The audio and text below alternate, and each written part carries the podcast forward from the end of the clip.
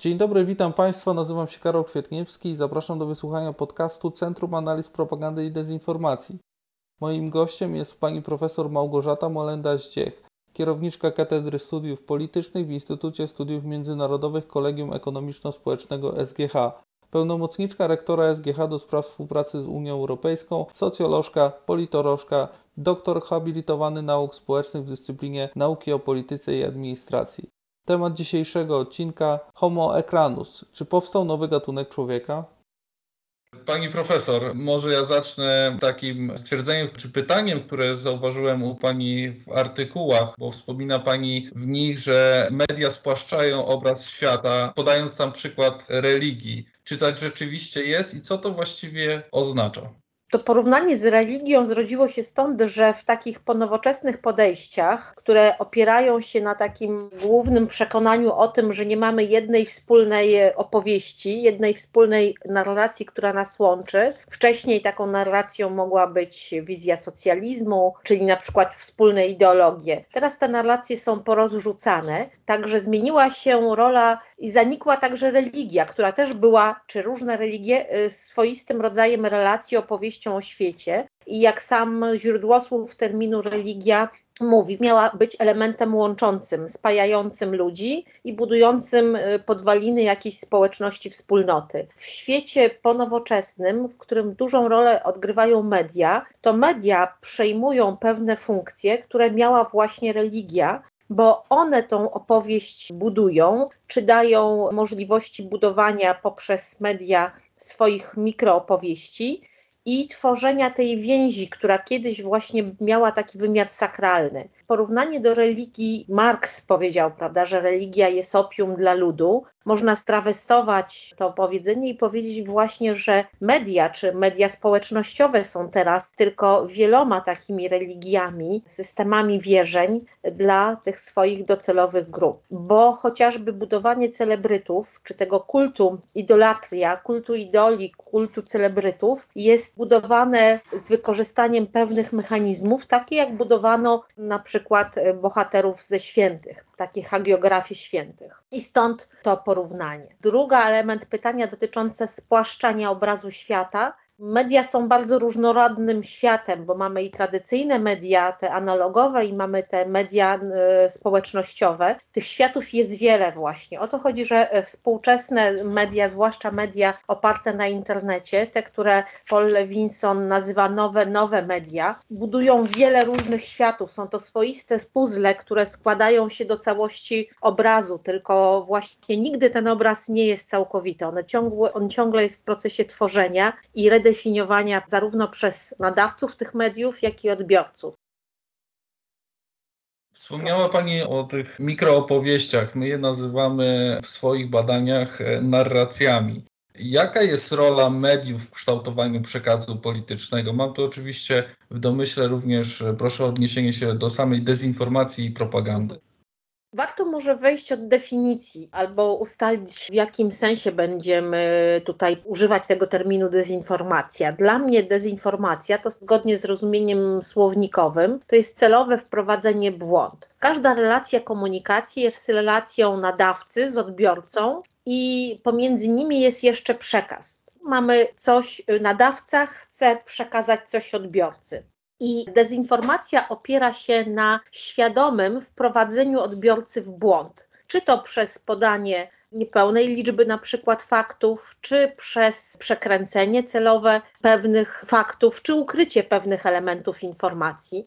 I ten przekaz błędny jest traktowany instrumentalnie. Nadawca chce wpłynąć na zachowanie odbiorcy, chce w jakiś sposób go modelować zgodnie ze swoimi oczekiwaniami. Jeśli mówimy o komunikowaniu politycznym, czyli ten proces i przekaz ma jakiś element polityczny, no to tu właśnie tym celem jest na przykład zjednanie sobie odbiorcy po to, aby był po naszej stronie, poparł nasz program, albo na przykład, nawet jeśli nie popiera naszego programu, to żeby zniechęcił się do polityki i na przykład nie wziął udziału w wyborach, osłabiając tym samym naszych, naszych przeciwników.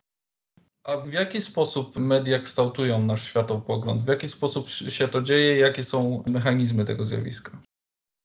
Odkąd pojawiły się media, czyli właśnie takie pośredniki pomiędzy światem, w którym żyjemy, a publicznością, y, do której chcemy dotrzeć. Cel był taki, aby dotrzeć z pewną informacją, z pewnym przekazem, czy to w celu właśnie tylko informacyjnym, czy też w celu takim, że chcemy wpłynąć na czyjeś zachowanie, edukować, może też wprowadzić pewne tematy, nad którymi chcemy, aby odbiorca się zastanowił aby po prostu o nich myślał, były one dla niego ważne. Czyli media mogą budować na przykład wachlarz tematów, problemów, o którym społeczeństwo, grupy społeczne będą myśleć, które mogą je konfliktować, albo wręcz przeciwnie, wokół których mogą się jednoczyć. Jeżeli grupy społeczne i odbiorcy mediów nie są świadomi, te tematy nie znajdują się przypadkowo.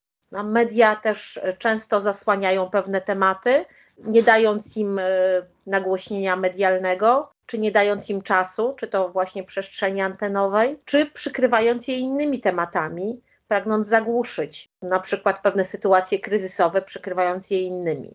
Czyli media kształtują te nasze postawy i to, o czym mamy myśleć poprzez budowanie agendy tematów, poprzez nadawanie im ważności i poprzez ten mechanizm nagłaśniania medialnego, który potrafi wyolbrzymić pewne problemy albo stworzyć problem z niczego, a potem niejako o nim zupełnie zapomnieć.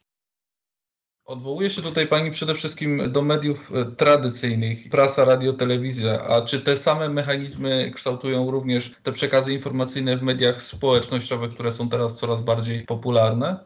Tu sytuacja jest jeszcze bardziej e, skomplikowana. W wypadku tych mediów e, tradycyjnych, jeśli Pan pozwoli, jeszcze na chwilę przy nich pozostanę, z punktu widzenia dezinformacji mieliśmy pewne mechanizmy kontrolne i mechanizmy takie ostrzegawcze, bo to wielostopniowy e, proces selekcji informacji, sprawdzania informacji często był tą opoką i przeciwdziałał dezinformacji czy manipulacji. Po prostu mieliśmy do czynienia z zawodowcami, dziennikarzami, z redakcjami, gdzie każdy miał swoją rolę, począwszy od redaktora, dziennikarza informacyjnego czy fotoedytora, który dbał i gwarantował, że opublikowane zdjęcie, na przykład prawda, fotografia, portret naukowca jest rzeczywiście e, fotografią tego naukowca, o którym piszemy. W wypadku nowych mediów ta sytuacja jest zupełnie inna, bo mamy do czynienia po pierwsze z takim ogromnym rozrośnięciem się tej przestrzeni medialnej. Mamy wielu nadawców medialnych i nadawcy mogą być zarazem odbiorcami. Nie mamy tego procesu profesjonalizacji. Każdy z nas przy minimalnych nawet umiejętnościach technicznych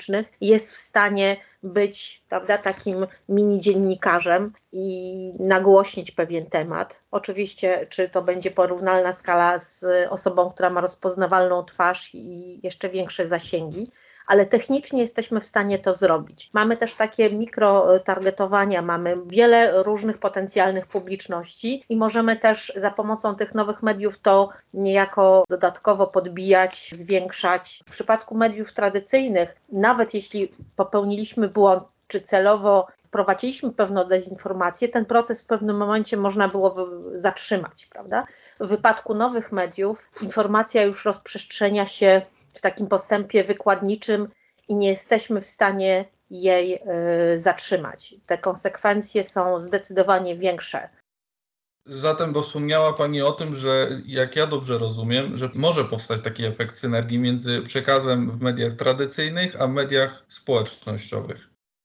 Zobaczmy, jak jeżeli są dobrze prowadzone kampanie, to żadna z kampanii, jeżeli mówimy o kampaniach politycznych, nie ogranicza się jedynie do nowych mediów i mówiliśmy już jakiś czas temu, dawno wieszczono śmierć telewizji, ale telewizja jako to stare medium trzyma się świetnie, zwłaszcza właśnie w przekazie politycznym i nie tylko w kontekście Polski, w naszym kraju, ale obserwując kampanię francuską prezydencką też widzimy y, silną pozycję telewizji, bo tak jak Pan powiedział, z jednej strony możemy zwiększać, znaczy jest ten efekt synergii, czyli też wykorzystujemy i y, dodatkowo niejako zwiększamy y, swój zasięg, bo adresujemy często przekaz do różnych publiczności, a z drugiej strony możemy przedstawiać te nasze tematy z różnych stron zwracając uwagę na różne elementy.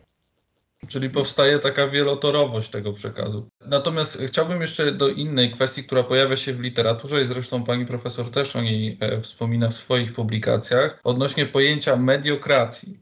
Gdzie obecnie możemy ją zaobserwować i czy jest to bardziej widoczne w systemach demokratycznych czy autorytarnych? Może zacznijmy od takiego bardziej neutralnego ujęcia. Mediakracja jest pojęciem, który możemy opisać na zasadzie takiego miękkiego determinizmu mediów. Paul Levinson kiedyś napisał taką książeczkę Miękkie ostrze. Myślę, że ten chyba oksymoron e, pokazuje bardzo dobrze specyfikę mediów, bo ostrze jest zazwyczaj ostre, e, czy może być twarde. Tutaj mamy przeciwstawienie. Ono jest miękkie dlatego, że tak naprawdę nie możemy go dotknąć, ale jednak siła i rezultat oddziaływania mediów jest zauważalny. Widzimy, że media dzielą, media właśnie tak jak mówiliśmy, budują tematy, media wycofują się z pewnych tematów, media mogą wywyższyć kogoś, pomóc mu zbudować status celebryty, czy przy wypadku nowych mediów cewebryty, prawda, żebyśmy mieli ten element sieci w środku nazwy. Czyli media y, mają siłę. Ta siła może przybierać też właśnie tą formę siły politycznej, władzy, i mówimy wtedy o tej mediakracji. Tylko w przypadku tych trzech podstawowych władz mamy pewne mechanizmy, które decydują, że te podzielone strefy wpływów. W wypadku władzy mediów, w tej władzy nikt nie wybiera i często właśnie trudno nam oszacować jej zasięg.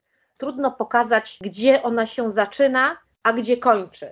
Pytał Pan, czy ta władza jest taka sama w reżimach autorytarnych, jak i reżimach demokratycznych. I to też przed epoką nowych mediów, czy nowych nowych, wracając do tego wyrażenia Paula Lewinsona, myślę, że odpowiedź byłaby prostsza, bo ta siła wtedy była inna. W reżimach autorytarnych media były podporządkowane władzy, i wiedzieliśmy i były, możemy powiedzieć, że właśnie ta dezinformacja i cele propagandowe były nadrzędnymi celami, które media realizowały.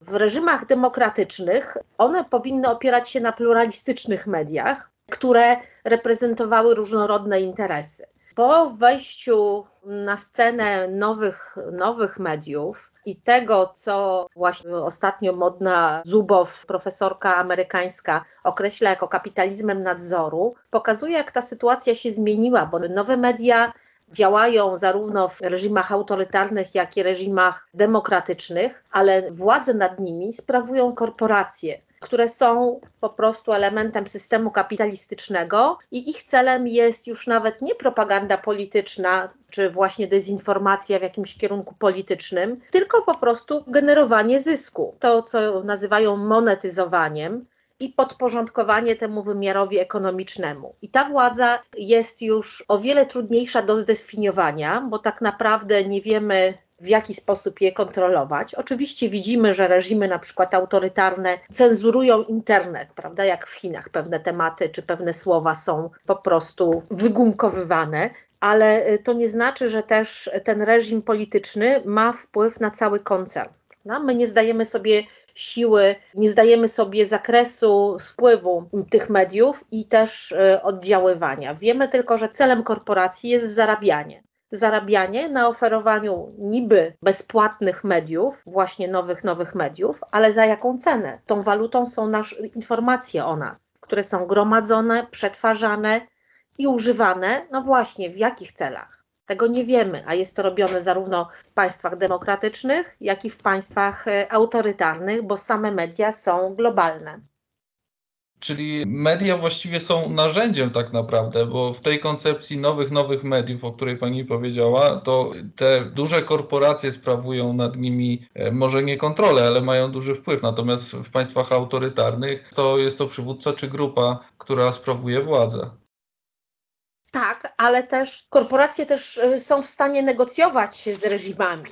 Widzimy, że te negocjacje kończą się często jakimś kompromisem, którym na przykład może polegać na tym, że reżim godzi się na obecność tej korporacji za wyrażenie zgody na cenzurowanie czy na nieobecność pewnych treści czy pewnych e, przekazów e, w danym medium.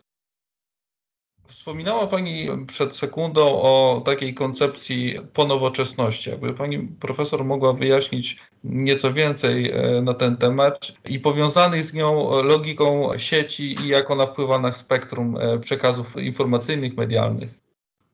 Ponowoczesność najłatwiej wyjaśnić w opozycji do nowoczesności. Nowoczesność to powiedzmy okres społeczeństwa przemysłowego, kiedy właśnie produkcja, przemysł był tą siłą napędową, czyli od czasów rewolucji przemysłowej do właśnie czasów mniej więcej lat 70., 80. XX wieku. Cezurą po nowoczesności jest między innymi bardzo silny wpływ nowych mediów, czyli też pojawienie się internetu, pojawienie się nowych mediów, które dokonały tej dywersyfikacji tej sfery publicznej, rozbijając ją na wiele różnych, różnorodnych sfer które właśnie zdywersyfikowały narrację, z jednej podzieliły ją na wiele, które zdywersyfikowały publiczności, dzieląc ją też na różne grupy i podgrupy i wprowadziły możliwość tej aktywnej roli i przekształcania właściwie biernych odbiorców informacji w aktywnych nadawców.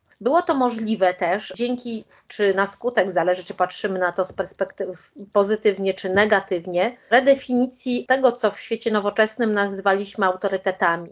Kto pełnił taką rolę? Były to osoby z pewną wiedzą, z pewną pozycją społeczną, mogły być autorytety polityczne, autorytety ekonomiczne czy autorytety religijne. Wraz ze zmniejszeniem czy wyparciem tej roli, czy zaniknięciem e, roli religii, tą rolę tych autorytetów zaczęły przejmować e, zupełnie inne osoby. Tymi osobami byli, czy są cały czas bohaterowie tych nowych mediów, czyli osoby, które właśnie zna, są znani, ale to już telewizja dawała rozpoznawalność. Tutaj mają wpływ marketingu, mówiąc tym językiem, mówimy o influencerach, ale możemy też powiedzieć influencerach politycznych, czyli osoby, które mają rozpoznawalność, ale które mają tak zwane zasięgi.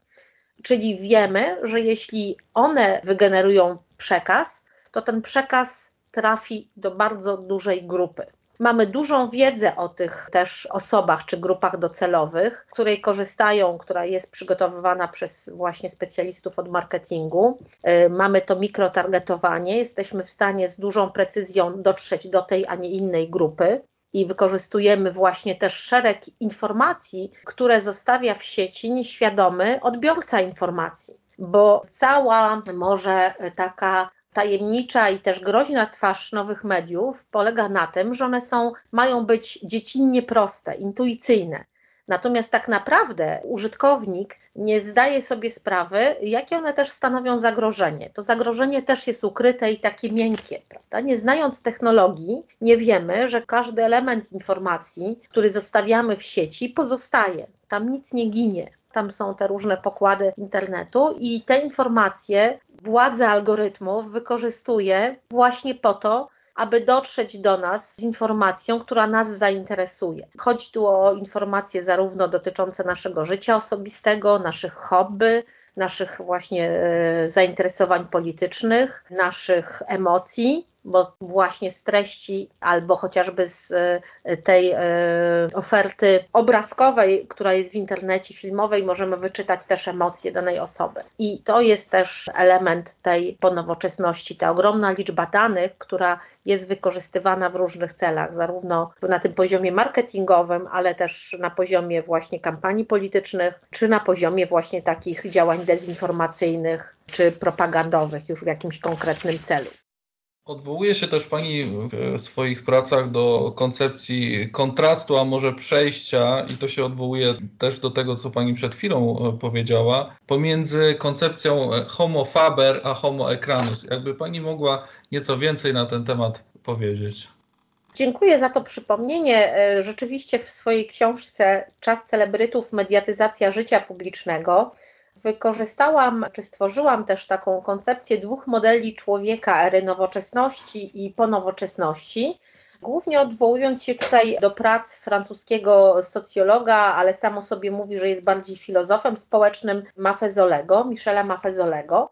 I właśnie dla ery nowoczesności takim archetypem czy wzorcem był człowiek pracy, czyli homo faber, człowiek tworzący. Czym się charakteryzuje on? Pewną metodycznością w podchodzeniu do zadań, czyli posiada wiedzę, ale ta wiedza jest używana w sposób instrumentalny, celowy do realizacji jakiegoś zadania jest zorientowany na przyszłość, bo myśli o przyszłości. Ważną kategorią jego zachowania jest też stosowanie rzeczy, technologii w takich celach bardzo praktycznych, czyli też praktyczność i nastawienie na perfekcję, dążenie do perfekcji, zarówno w pracy nad sobą, jak i na przykład nad wykonywaną pracą czy zadaniem. I jego tutaj taką metaforą osobową może być właśnie ojciec, ojciec narodu, ojciec e, rodziny, bohater, pionier, zdobywca. Czyli widzimy, że to też jest taki wzór męskocentryczny, prawda? Ktoś, kto zapewnia bezpieczeństwo. To też pokazuje, jaka skala wartości jest ważna. Bezpieczeństwo, rzemiosło i chęć przekształcania rzeczywistości. Ta sfera nowoczesności, którą na razie opisaliśmy jako taką roztrzaskaną, podzieloną, zdywersyfikowaną, ale też równoważną, bo to jest ważne w ponowoczesności, że głos teoretycznie osoby Kowalskiego czy Nowaka, czy Kowalskiej czy pani Nowak, liczy się tak samo jak głos dużego autorytetu w świecie tradycyjnym i może wywołać o wiele czy podobne skutki oddziaływania. Natomiast w ponowoczesności zupełnie mamy inny rodzaj czy model takiego człowieka typowego. Jest to homo ludens, homo creator, czyli człowiek zabawy, człowiek tworzący, człowiek, który cały czas się uczy, często działa intuicyjnie, bo bardzo ważne w ponowoczesności są emocje. Nowe media wykorzystują też bardzo obraz, ale też nasze emocje i ta informacja o emocjach jest bardzo istotna. Ten człowiek jest osadzony mocno w teraźniejszości, chce być tu i teraz. Zobaczmy, jak liczy się czas zupełnie inaczej. W tym okresie y, nowoczesności mówiliśmy, że bohater był zorientowany na przyszłość. Tutaj myślimy tu i teraz, dlatego te setne czy nawet tysięczne sekundy są bardzo istotne. Kieruje się ten y, bohater wyimaginowany taką zasadą y, przyjemności, czy bardziej pewien typ idealny. Zasada przyjemności. Ważna jest nasza przyjemność, ważna jest przyjemność tu i teraz. Stąd też zainteresowanie na gry, kategoria takiej zabawowości, czyli wszystko musi być fan, musi dawać nam przyjemność, ale nas też angażować. Często ta przyjemność nie jest tylko bierna, prawda? Ona wymaga nie tylko patrzenia, ale naszej aktywności. I tutaj w odróżnieniu od tego nowoczesnego bohatera, którym tutaj mówiliśmy, mógł być ojciec, pionier, zdobywca, ktoś stawiający sobie cele, często takie dalekosiężne, zaprojektowane na przyszłość. Tutaj bohaterem jest ideałem pewnym, wieczne dziecko, wieczny chłopiec, nigdy nie dorastający, który chce być tu i teraz, cieszyć się chwilą i korzystać z tego, co właśnie ta chwila mu przynosi. Czyli tutaj zupełnie modelowo dwa różne typy osobowe, typowe dla tych różnych epok. Stąd i produkty medialne będą zupełnie inne. Dla nowoczesności są typowe te media analogowe, ale właśnie głównie prasa, telewizja. Tutaj obraz pojawia się, ale na zasadzie bardziej zdjęcia jednowymiarowego. W mediach ponowoczesnych głównie właśnie opartych o też obrazy, ale o emocje, o to, co te emocje też mogą powiedzieć nam o, o nas samych, jak mogą zbudować, też zredefiniować naszą relację ze światem zewnętrznym i one też odgrywają wielką rolę w polityce. Czy możemy zatem to w dużym uproszczeniu powiedzieć, że Homo faber to jest jednak to starsze pokolenie osób, które są przyzwyczajone, czy w większym stopniu korzystają z mediów tradycyjnych, a Homo ekranus czy Homo ludus, jak pani e, wspomniała, to jest jednak to młodsze pokolenie odnoszące się do mediów społecznościowych?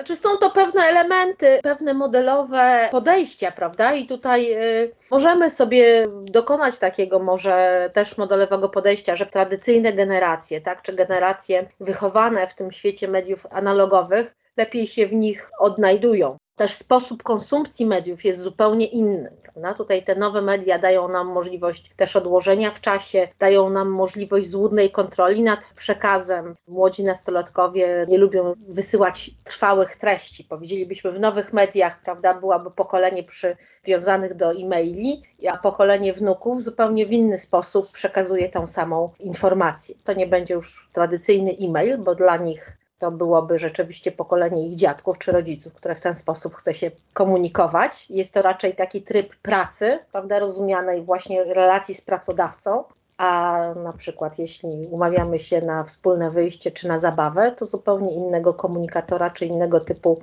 medium, już powiedzmy tak ogólnie używamy do tego. Czy w związku z tym podziałem również można powiedzieć, że media to element tożsamości? Media na pewno właśnie w tym ponowoczesnym świecie zajęły czy odgrywają ogromną rolę po pierwsze w budowaniu tożsamości, bo trzeba przyznać, że ta tożsamość nasza nie jest dana raz na zawsze, tylko ją budujemy non-stop i możemy redefiniować y, i zmieniać. Odgrywają w tym wielką rolę media, ale też sama technologia, prawda? bo to nie tyle medium. Nie każdy smartfon ma taką samą siłę oddziaływania. Tutaj smartfon daje nam pewną możliwość, natomiast już konkretna marka generuje jeszcze dodatkowe znaczenia i świadczy o pozycji ekonomicznej, o pewnym stylu życia, bo nawet sam fakt posiadania bądź nieposiadania tego, czy chcemy pokazać, czy nie chcemy, prawda? czy budujemy pewne wspólnoty. Ja chciałbym odnieść się do poprzedniej wypowiedzi odnośnie nakładania się tych dwóch mhm. modeli, o których rozmawialiśmy. W jaki sposób to się odnosi do kształtowania przez jednostkę? Jak to rozumieć? Ponieważ rozmawiamy w tym kontekście dezinformacji i propagandy, to odniosłabym się bardziej do komunikowania politycznego, jeśli mogę, i na przykład do kampanii wyborczej prowadzonej przez kandydata. Mamy teraz czas kampanii prezydenckiej we Francji, czy jakiejkolwiek kampanii politycznej. W czasach takich nowoczesnych, czyli kampanie w XX wieku, powiedzmy lata 60., 70., gdzie właśnie tą najważniejszą rolę jednak odgrywała telewizja, ale i spotkania face to face, był pewien przepis na to, jak się prezentować. Już wtedy Sartori mówił o ważności tego elementu homovidens, czyli że ludzie reagują wzrokiem, reagują na obraz. Więc mieliśmy, prawda, też pierwsza kampania y, Aleksandra Kwaśniewskiego, kiedy korzystał zresztą z francuskiego doradcy. Mieliśmy czerwony krawat, niebieskie koszule, bo wiedzieliśmy, że to jest to, dzięki czemu kandydat zyska tak zwaną telegeniczność. Telegeniczność, czyli będzie dobrze wyglądał w telewizji. Mamy płaski obraz, ładne zdjęcie, to samo zdjęcie będzie dobrze wyglądało w prasie. Ludzie lubią te kolory, dobrze na nie reagują. One budzą też pozytywne skojarzenia. I kandydat prezentował się tak podczas wieców wyborczych, podczas spotkań organizowanych właśnie gdzieś w małych miastach, e, czy też w studiu wyborczym ale jeszcze wtedy kampania nie zaglądała tak daleko w życie prywatne kandydata. Nie interesowało nas, co kandydat robi po godzinach. Nowe media niejako nakładają się na tak zwany czas prowadzenia tak zwanych kampanii permanentnych. One są permanentne dlatego, że są prowadzone przez właściwie cały okres już sprawowania władzy, ale one są też prowadzone 24 godziny na dobę przez 7 dni w tygodniu. Czyli nie znamy już tylko wizerunku kandydata i jego historii, doświadczeń. Chcemy widzieć tego kandydata, mieć do niego dostęp non-stop. Prawda? Nawet jeśli on śpi, to jego asystent, asystentka, specjalista, który prowadzi media społecznościowe, daje nam nowe elementy. I widzimy też, jak szybko nawet pan prezydent Duda też zaczął nagle korzystać z TikToka. TikTok, który był właściwie najpierw medium dla nastolatków, okazuje się, że jest też stosowany w komunikacji politycznej. Prawda? Różnie do tego się odnosiliśmy, bo, bo czy rzeczywiście nastolatek chce widzieć kandydata ubranego w garnitur, który raczej przypomina mu jego dziadka czy jego tatę, czy widzieć kogoś, kto jest bliższy jego, prawda? Czyli właśnie chodzi o to, że te nowe media też wymuszają na kandydacie innego typu widoczność medialną. Musi być inaczej ubrany, mieć inne tło, musi zadbać o takie szczegóły mimo że sam jego program przecież się nie zmieni, prawda? Czy same jego, teraz nawet trudno mówić o spójnym programie, ale same hasła programowe czy idee. Ale ten kandydat właśnie, możemy też powiedzieć, że ta jego wizerunek medialny, to, że musi się zaadoptować do tych różnych mediów, jest elementem takiej zmiennej tożsamości. Takim też puzzlem w budowaniu jego całej tożsamości jako kandydata.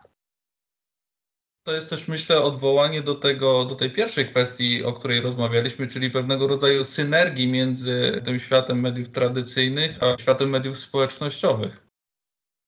Jak najbardziej. Tym bardziej, że tutaj to nawet byłaby może taka pozytywna, ale trudna dla, dla nas wszystkich sprawa, a mianowicie, że właściwie przy pewnej wiedzy mamy kontrolę nad tym przekazem. Prawda? Możemy badać, bo mamy ślady tego kandydata, ale nawet każdy z nas, budując elementy tożsamości, może tu odwołam się i przypomnę taką socjologiczną definicję ról społecznych. Prawda? Każdy z nas pełni w swoim życiu wiele ról. To są role w życiu prywatnym i role w przestrzeni publicznej. Prawda? I tutaj mamy role zawodowe, role towarzyskie, role hobbystyczne, jeśli czymś się interesujemy. I dobrze jest, jeśli nasze życie jest spójne, prawda? Bo wiemy, że pewne role są ze sobą w konflikcie. No, jeśli jesteśmy na przykład już żonatym mężczyzną czy zamężną kobietą, to w naszej kulturze ani w prawnej nie jest dozwolona bigamia, prawda? Czyli jeśli jesteśmy osobą publiczną, to opinia publiczna oczekuje, że postępujemy zgodnie z prawem. No i nie łamiemy tej zasady. Tu jest i złamane prawo, i etyka, jakiś dramat ludzki na przykład, jeśli zostaje ujawniony romans, prawda, czy jakaś no, niewierność kandydata na prezydenta na przykład, czy kandydatki na prezydenta, jeśli taką będziemy mieli. Nowe media dają nam możliwość wglądu w to życie, bo zawsze właśnie każdy z nas mając przy sobie właśnie ten telefon ze zdjęciem może być potencjalnym paparazzim, te media nigdy nie śpią, prawda? Mamy możliwość wysyłania tych informacji 24 godziny przez 7 dni w tygodniu. Tabloidy przecież też korzystają właśnie, to jest też taka fajna synergia pomiędzy starymi mediami, jakimi są tabloidy w tej wersji papierowej. Oczywiście mają swoje przedłużenie w postaci tych nie wiem, swoich fanpage'ów i tak dalej, ale mogą publikować zdjęcia, które ktoś im nadesłał, drogą właśnie taką, korzystając z nowych mediów, prawda, mówiąc czy podsyłając jakiś wątek. Ale właśnie my, jako odbiorcy tych mediów, możemy też kontrolować, czy osoba ma spójny wizerunek, czy te role nie wchodzą ze sobą w konflikcie, czy na przykład jeśli mówi, czy w programie reprezentuje Partię Zielonych i jest ekologiem, możemy zobaczyć, czy rzeczywiście jest to tylko deklaratywne, czy jeśli mieszka w domu, czy nie, ma panele fotowoltaiczne, czy dom jest ogrzewany, nie wiem, węglem i kopci z komina, prawda? Czy jeżeli mówi, że popiera ograniczenie konsumpcji mięsa, czy rzeczywiście to robi, czy w jego diecie gdzieś ciągle to mięso się przewija. Mówię o takich bardzo może podstawowych elementach, ale to są takie kwestie teraz bardzo ważne, bo na przykład dla młodych ludzi te kwestie klimatyczne są stawiane na pierwszym miejscu i bardzo słuszne. A też wiemy, że unijne priorytety, no właśnie też ten Zielony Ład jest teraz podstawowym wyzwaniem, które musi być realizowane na tych różnych poziomach. Stąd może warto też sobie z tego zdać sprawę. Mam wrażenie, że bardzo często są wyłapywane właśnie tego typu odejścia od tego przekazu, który jest lansowany w mediach, czy tradycyjnych, czy społecznościowych. Jeśli mówimy o danym kandydacie, na przykład politycznym, ale nie tylko. Jeśli mówimy o influencerach, celebrytach i szerzej, nawet o całych państwach mam takie wrażenie, że bardzo szybko media w związku z tym, że właśnie funkcjonują 24 na 7 i każdy może złożyć jakby taką informację, rzucić ją w świat, one bardzo szybko potrafią wygenerować dodatkowe informacje potwierdzające bądź obalające dany wizerunek. Tylko uwaga, tutaj mamy też ważną rzecz. Często utożsamiamy właśnie ten wizerunek z osobą. I tak jak e, zdarzało się, że aktorzy mówili, aktorzy, którzy kiedyś zagrali na przykład rolę lekarza, że prawda, jeśli znaleźli się w sytuacji publicznej, zdarzył się na nieszczęście wypadek, to byli proszeni o pomoc. A oni tłumaczyli, ja tylko grałem lekarza, prawda, nie jestem lekarzem. Podobnie jest trochę z influencerem, bo kim jest influencer? Przecież to nie jest jego tożsamość, to jest jego zawód. Jeśli generuje zyski, ona podejmuje się pewnej roli, czy w wypadku aktorów używamy ładniejszego terminu ambasador marki. Czym jest bycie ambasadorem marki? Prawda? Ma być to też podniesienie tej roli, ale to jest influencer pewnej marki. Tylko to jest taki dyplom, właśnie, stosując ten dyplomatyczny, grzeczny język, ale przecież taka praca, jest to praca, która odbywa się w oparciu o podpisaną umowę i też ma przynosić rozpoznawalność marce i przekładać się na jej większy zysk. A jeśli ja jestem ambasadorką, czy pan jest ambasadorem danej marki, to też jest to pana, pana rola zawodowa, a nie całe pana życie. To jest właśnie to, czy musi pan być 24 godziny, no jeśli kontrakt takim ambasadorem tej marki, czy tylko traktuje pan to jako jeden element, prawda? No, pewne rzeczy są łatwiejsze, niełatwiejsze. Jeśli mówimy, prawda, o konsumpcji napojów chłodzących, mamy dwie duże firmy, które ze sobą konkurują od lat to rzeczywiście to w każdej chwili możemy być złapani, prawda, przez kogoś, gdzie gdzieś tam wypiliśmy nie ten napój, który trzeba. Często utożsamiamy osobę z wykonywaną przez niego pracą. Tylko to jest niebezpieczne właśnie i to jest też ważne, że często młodzi ludzie, no bo właśnie nie zdają sobie sprawy, że ich bohaterowie, których oglądają, którzy mówią o tym, że ich lubią, że są fajni, że będą fajni, jak będą mieli ten produkt, czy skorzystają z tego produktu, no robią to dlatego, że właśnie też pracują. No, jest to ich rodzaj pracy i ta sympatia jest sympatią taką deklarowaną na potrzeby tego kontraktu, a nie autentycznym uczuciem, którym obdarzają tego i tylko tego odbiorcę. Ja jeszcze wrócę do tej kwestii mhm. atakowania nas jako odbiorców i mówię tutaj o wszystkich osobach, które dostają zbyt dużo informacji. Obecnie mhm. mamy e, takie pojęcie jak infodemia, czyli natło tych informacji, które nie potrafimy przetworzyć. Czy to może generować ten kryzys e, tożsamości, o której e, mówiliśmy wcześniej? Myślę, że to jest bardzo ciekawe pytanie i nie ma na to pytanie takiej jednoznacznej odpowiedzi. Czy odpowiedź jest zależna od tego, w jakim stopniu zgodzimy się, że no właśnie, jaką część życia wypełniają nam media. Ktoś powiedział, że żyjemy właśnie z mediami i przez media. Możemy powiedzieć, że żyjemy jeszcze w mediach. Nasze życie to 24-godzinne, 7 dni w tygodniu. Jak ono wygląda?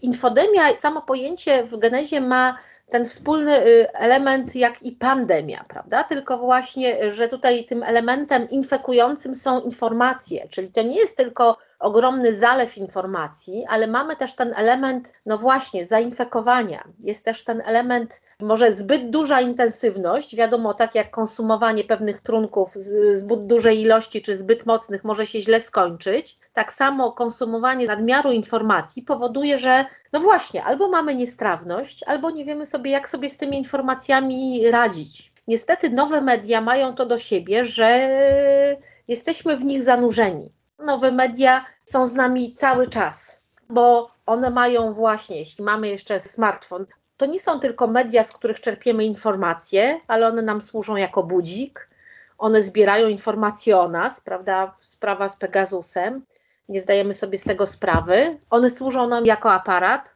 one służą nam także jako mini komputer do robienia notatek. I to jest to, czy właśnie, czy jesteśmy świadomi, że to my używamy tych mediów, czy media używają nas. I nawet będąc na spotkaniu w kawiarni, prawda, niewinny telefon, mimo że z niego nie korzystamy, to on w tym czasie wykonuje swoją pracę, no, bo zbiera informacje i zostawiamy ten ślad nasz. Mówi się o śladzie klimatycznym, a myślę, że tutaj możemy dobrze powiedzieć prawda, o tym naszym śladzie takim no, cyfrowym, ale zostawiamy ślad komunikacyjny. Co robiliśmy, y, dlaczego? I czy jesteśmy tego świadomi, coraz częściej no, mamy też negatywne skutki, prawda? Mówimy o FOMO, czyli o tym poczuciu straty, jeśli na chwilę się odłączymy, czyli mamy taką wręcz na granicy choroby konieczność sprawdzania informacji.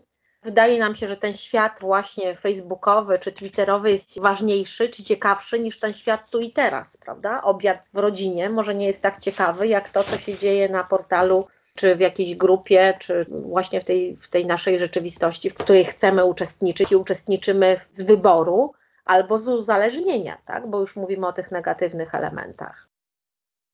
Czy taką szczepionką, bo jeśli dochodzi do kryzysu, czy jesteśmy w tej chwili, w cudzysłowie oczywiście, chorzy na tą infodemię, czy to może być również reperkusją na to, czy szczepionką, próbą odtrutki mogą być y, wszelkiego rodzaju podatność na fake newsy, na tą dezinformację. Wierzymy więcej niż powinniśmy, nie analizujemy tych rzeczy, które do nas docierają, bo po prostu jest ich, e, jest ich za dużo. Wiąże się z, z kwestią wszystkich teorii spiskowych, które są lansowane w ostatnim czasie coraz mocniej i mocniej. Czy widzi Pani tutaj taką paralelę między jedną opcją infekcji i próbą takiego odejścia, negowania tej rzeczywistości, którą jest i szukania czegoś zupełnie innego?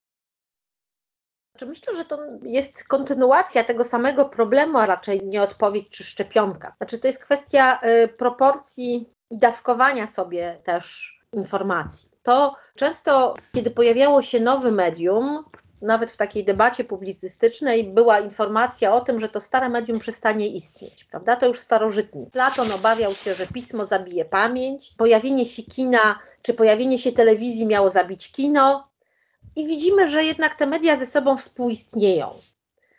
No, z punktu widzenia mediów dobrze, z, ok, natomiast z punktu widzenia naszego czasu, naszej, naszej zarządzania czasem, dostępu do informacji. W wypadku tych starych mediów, to już o tym mówiliśmy, jeśli mieliśmy zaufanie, czy wybieraliśmy takie, a nie inne medium, na przykład gazetę, to wiedzieliśmy, że ono jest związane z taką stroną sceny politycznej, z takim właścicielem, wiedzieliśmy niejako, czego możemy oczekiwać, ale też ktoś za nas wykonywał tą pracę selekcji, prawda? Wiedzieliśmy, że to, co dostajemy, to jest wynikiem pracy, rzetelnej pracy całego zespołu redakcyjnego. Kilkustronicowa, czy nawet kilkudziestostronicowa gazeta czy tygodnik jest e, wynikiem pracy kilkudziesięcioosobowego zespołu. W wypadku tych nowych mediów, właśnie, a infodemia głównie dotyczy zalewu nas e, przez informacje, właśnie, które pochodzą z nowych mediów, czy, czy nowych, nowych mediów, nawet nie jesteśmy w stanie oszacować ich liczby, tak? bo jeśli teraz rzucimy już jakąś liczbę, to za chwilę ona już przecież jest o wiele większa. I tej pracy często nikt nie wykonuje za nas. To uzależnienie od nowych mediów czy od Twittera pokazuje też taką niebezpieczną element, że często no, na zasadzie tylko ciekawego tytułu robimy, chcemy podzielić się tą informacją. A tytuły budujemy po to, żeby miały te clickbaity, prawda? I żeby właśnie w nie klikać, bo one generują zyski. I często tytuł, jak otwieramy potem tekst, to w ogóle jest nieadekwatny do tego. I dopiero widzimy, a chcemy być pierwsi, chcemy pierwsi poinformować o tym, pierwsi w swojej bańce, prawda? I tak nie będziemy pierwsi, bo gdzieś to ktoś pierwszy znalazł. E, chcemy, żeby ktoś to dalej poprowadził, czy powołał się na nas.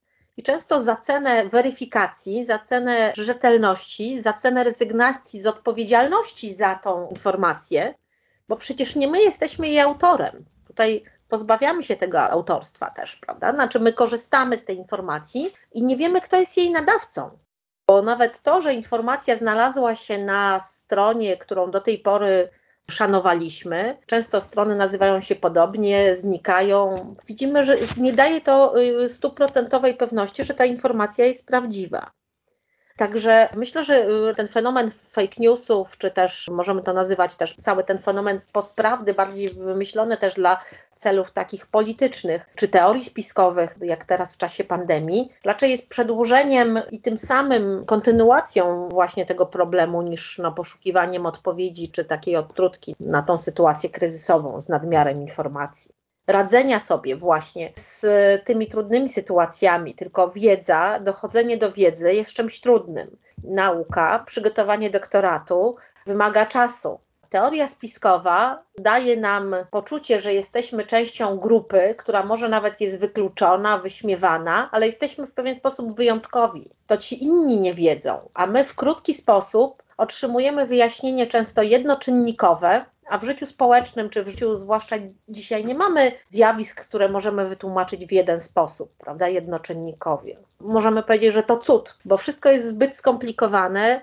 Nowe media wymagają też ogromnej tej wiedzy technologicznej, technicznej, i często no, serwują nam wyjaśnienia mm, na zasadzie tak jak w Polsce Ludowej mieliśmy w momencie braku czekolady, wyroby czekoladopodobne, to są wyroby takie, które wyglądają jak informacja, które wyglądają jak wiedza, ale nie są tą wiedzą, nie są tą prawdziwą informacją. Nie oferują odpowiedzi na to pytanie, które nas w jakiś sposób tam drąży.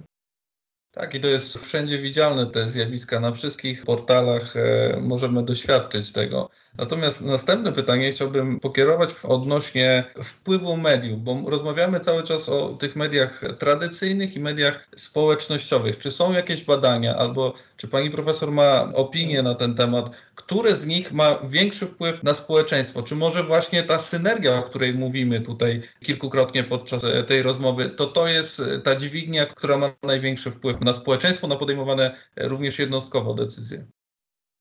Społeczeństwo nie jest monolitem i każda grupa, czy to ze względu scharakteryzowana na wiek, miejsce zamieszkania, też podejmuje trochę innego typu decyzje, ale no pewne rzeczy są stałe i to wiemy. I może zacznijmy o tym, co jest niepokojące, bo na przykład są takie badania dotyczące tego, czy sprawdzamy wiarygodność informacji w internecie. I jedne z tych badań mówią, że 20 prawie procent, czyli co piąty Polak czy co piąta Polka, nie sprawdza wiarygodności informacji w internecie. Czy to jest dużo, czy mało? No jest to zastanawiające, prawda? Uważa się, to nawet rozmawiając w takich towarzyskich sytuacjach, Jeśli spytamy, ale skąd to wiesz? No w internecie gdzieś było. Zobaczmy w wypadku starych mediów czy prasy, posłuszmy się tym do najłatwiej, jeśli spytamy, no przeczytałam w gazecie, to będziemy drążyć, prawda? Ale w jakiej gazecie? No pokolenie moich rodziców tak by też spytało, ja też, no ale skąd to wiesz, prawda? No tytuł gazety już nam trochę mówi, prawda? Wiemy, czy to jest poważne, czy to będzie wiadomość z faktu, czy z Super Expressu, czyli tabloidu, który rządzi się innymi prawami, czy z Rzeczpospolitej, czy dziennik Gazeta Prawna, prawda? który ma zupełnie też inną, inną pozycję na rynku. To jest niepokojące. Czyli na pewno też wiemy, że media tradycyjne typu prasa, czytelnictwo prasy jest już zarezerwowane bardziej dla pewnej grupy wiekowej, bądź też zawodowej, no bo urzędy siłą rzeczy też pronumerują gazety, więc wiemy, że tu jest na pewno grupa starszych prawda, osób. Może to też być grupa, która, no właśnie, stosunek do papieru. Wiemy, że młodzi ludzie nie lubią już w ogóle papieru. Z jednej strony może być to też troska o środowisko, prawda? Jeśli przynosi się studentom coś wydrukowanego, to już się krzywią i nie chcą, prawda? I każdy szuka, czy można to znaleźć w internecie i sobie na smartfonie znajduje. I to jest bardzo fajna postawa.